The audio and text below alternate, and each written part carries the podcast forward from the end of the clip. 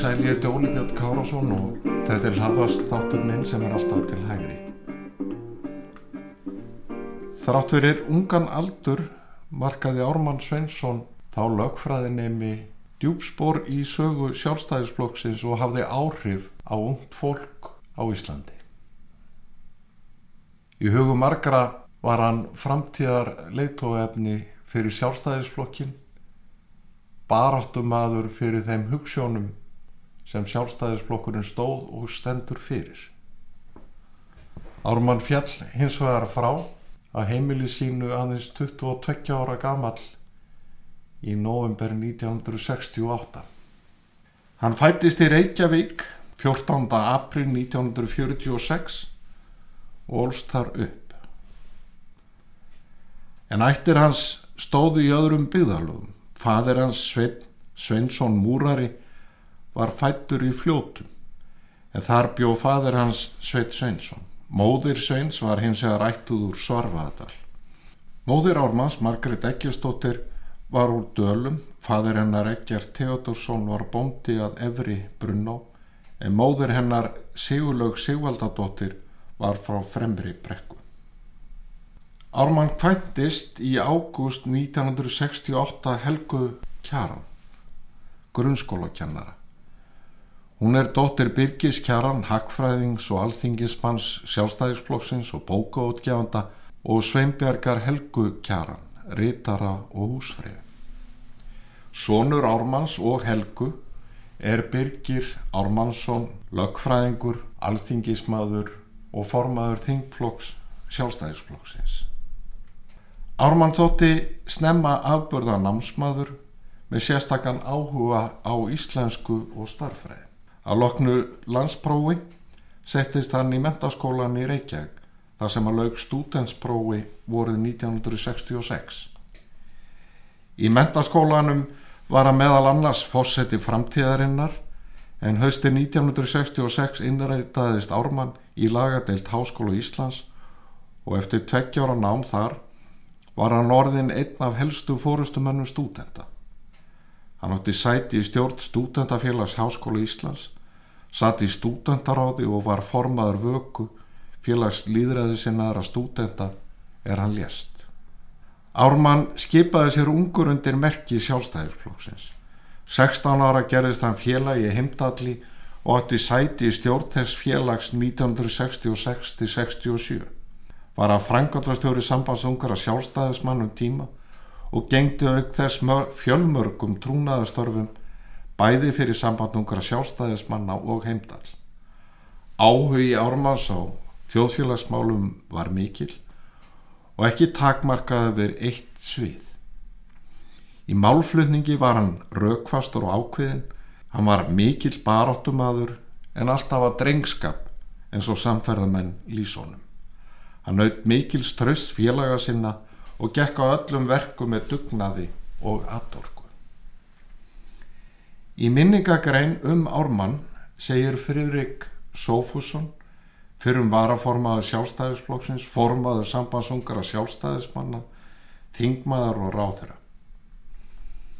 Ármann Sveinsson var hugssjónamaður sem með hugssjónum sínum og aðtapnað frá glæti umhverfi sitt lífi. Um hann leg jafnan ferskur blær og stundum storfsveipir, eins og oft vil verðaði menn sem eru fastir fyrir og kaup ekki fylgi og kostna hugssjóna sinna. Hann var afburða vinsæl í vinahópi og virtur af anstæðingum. Jafnframt því að eiga glæstar hugssjónir var Ármann Raunsær baratumæður sem var ákveðin í því að gera hugssjóni sínar að veruleika. Vandaður undibúningur, auk staðgóður af þekkingar á íslenskum hagsmunum og þjóð var ávalt grundvöldur undir baráttu hans fyrir bættu þjóðfélagi. Hann var sívinnandi og óþreytandi og misti aldrei sjónar af markmiðinu. Þeir sem börðust með honum og undir fórusta hans gáttu ætið vænst árangurs. Eftir ármann liggur töluvert sapn, handrita, bladagreina og rítgerða um Ímis málefni. Félagar hans tóku sig til ári síðar eða 1969 og koma á fót minningarsjóði Ármannsveinssonar og þessi minningarsjóður gaf meðal annars út greinasapn undir heitinu manngildi, ræður og greinar. Þar eru nokkra greinar um efni sem að ármanni voru hvað hugfólknust. Það er um stjórnskipan og stjórnafar líðræði og almenn mannréttindi. Þetta er sínisotn af þeim hugssjónum sem ármann barðist fyrir. Og ég ætla að fara þess yfir eina þessara greina sem byrtast í þessari bók manngildi.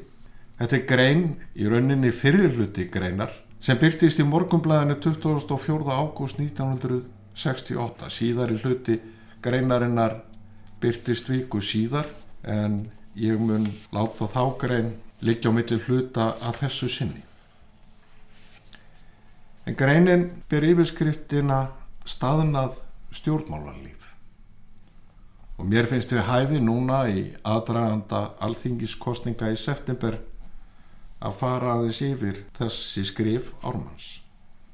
Og einhverju leiti eiga þau ágætt erindi inn í samtíman Ármann hefur skrifin á þessum orðum Pólitíska andrunsloftið er á sumri þessu vægasagt þrungið talsverðir í spennu Í samtölum láta menn undantekninga lítið í ljós verulega þreitu í garð stjórnmálaflokka og stjórnmálamanna. Margir þeirra sem afskipti hafa haft af flokkunum bóða nú afskipta leysi sitt af flokkstarfi. Egi þetta við röka stiðjast er ljóst að stjórnmálaflokkarnir og stjórnmálamennirnir valda ekki sínu veigamekla hlutverki í þjóðfélaginu. Ekki verður um það deilt að síðustu ár hefur gætt minni almenns áhuga á stjórnmálaflokkum en oft fyrr. Slíkt áhugaleysi er síður en svo nýlunda en núverandi áhugaleysi á sér þá sérstöðu að eiga nokkur langan þroskaferil sem er stöðuleiki stjórnmálalífsins allt frá 1960. Þegar samstarf sjálfstæðisflokks og alltíðuflokksins fekk þriðju tröst yfirlýsingu sína við alþingiskostningar 1963 færðist pólitíska þreitan öll í aukana því þá sáu menn nokkur hættumerki þess að ef til vill yrði þjóðin að sitja uppi með sömu ríkistjónina í alltaf fjögur ár enn. Leiðin í gard stjórnmólaflokkana kom svo fram í almennu áhugaleysi flokksmanna og flokksstarfi og frambóðsmálum svo kallaðara óháðara lista í sveitarstjórnarkostningunum 1966 og alþingiskostningunum 1967.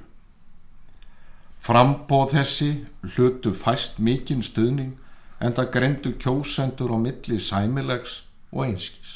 En hverjar eru efnislegar ástæður þreitunar á stjórnmálaflokkonum og stjórnmála mönnunum, spyr Ármann. Og hann færir fram tíu punkta um ástæður flokkspolítískrar þreitu.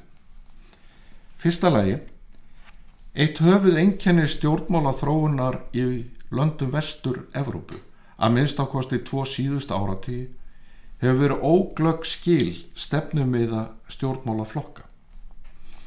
Hefur þróun þessi verið örust allra síðust ár. Íslands stjórnmálarlíf hefur þróast á sama hátt og ber þess ótvírað merki. Afleiðin kynna óglöggu skila er svo að kjósendur eiga æ örðugra með að finna forsendu fyrir stuðningi sínum við eitt flokk öðrum fremur. Á þetta engalega við yngstu kjósendunar hinn er eldri halda sig í viðjum vanans við sinn gamla flokk. Við aðstæður þessar verður yfirbræð stjórnmálanna lákurulegt. Baráttan verður standa um tillistöður og aðstöðu en ekki um grunnatriði stjórnmálanna. Engur kann að segja að þetta sé ákjall lýsing á stjórnmálum dagsins í dag. Að minnstakosti verð ég var við þetta viðþór þegar ég ræði við kjósendur, hvort heldur yngri eða eldri. Og punktur nummer tvö hjá ormanni. Sjálfstæðir og sterkir einstaklingar eru fáir á vettfangi stjórnmálana.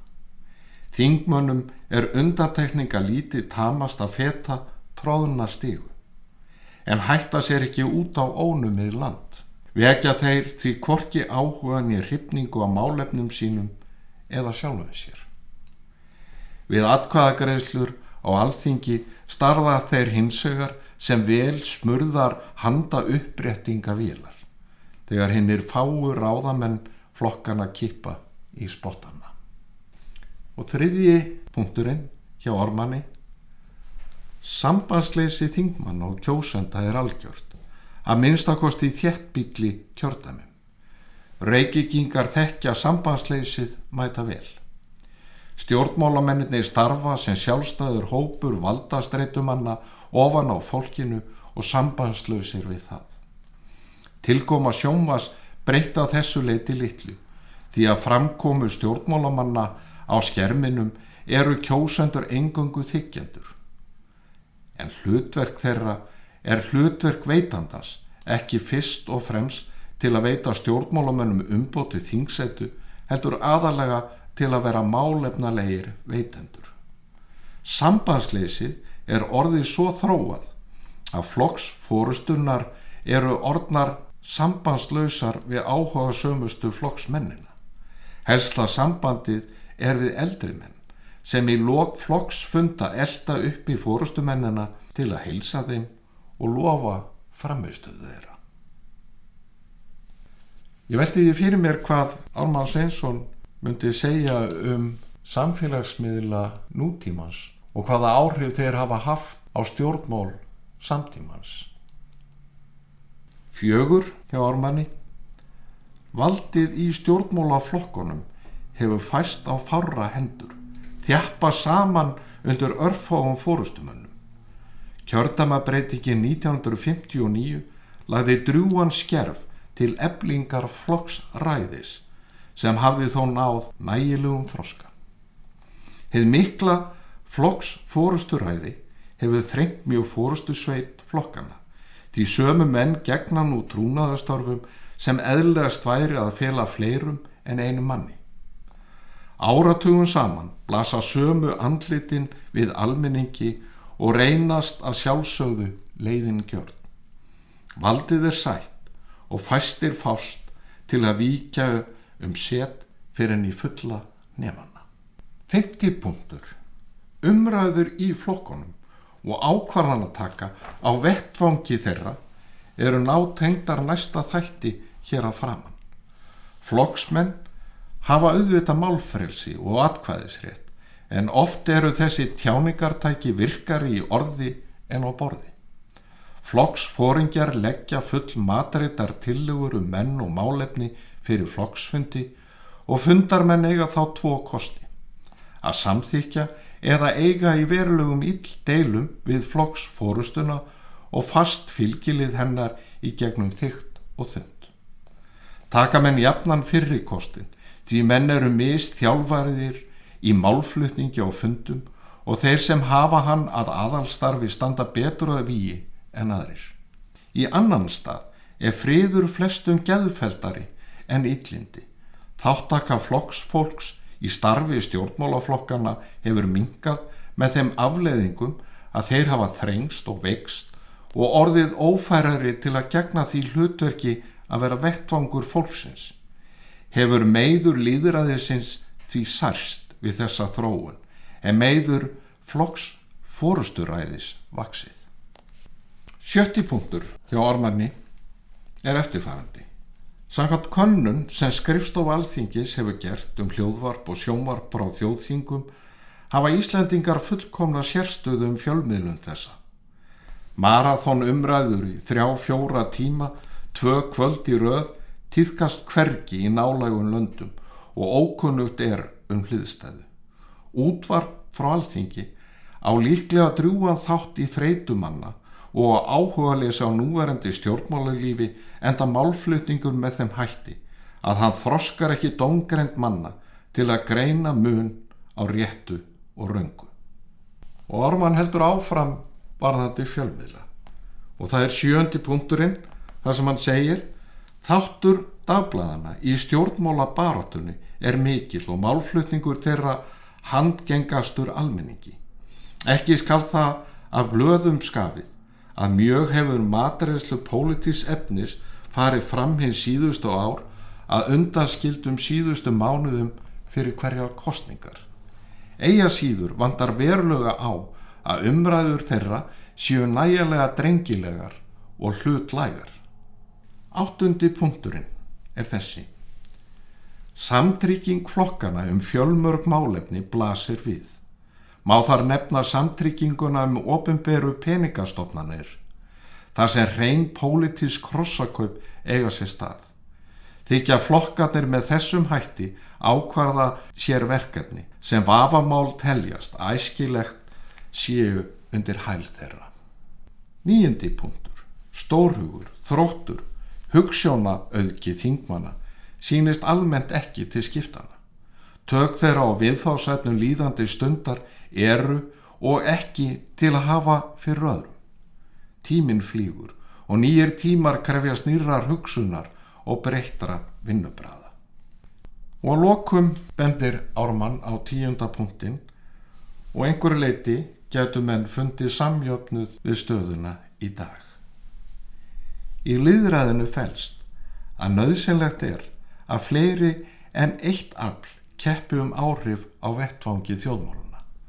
Ónýtt stjórnaranstaða í nærfælt áratug á sinn þátt í flokkspolítískri devð í landinu. Á þess að kenna framsóknarflokknum um pólitíska andrúnslóttið verður ekki framhjá því gengi að óeðlert er að stór flokkur eflist ekki við að veri stjórnaranstöðu um ára byl. Framsóknarflokkurinn eldist um skeið á gengdarlausum yfirbóðum en mælirinn fylltist.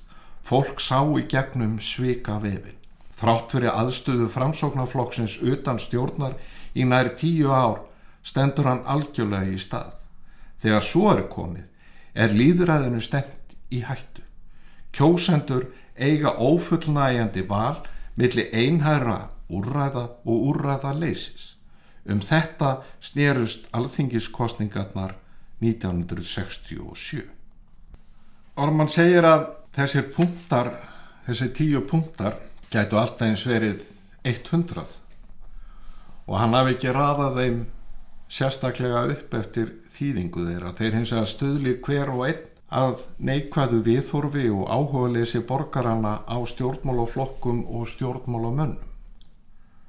Hann bendir á að pólitísk hugssjón Íslendinga hafi um allangar hýð verið bundin stjórnmálaflokkum sem stopnaður voru á tímabilinu 1916 til 1930 og séu enn einu skipulöðu stjórnmálasamtök í landinu.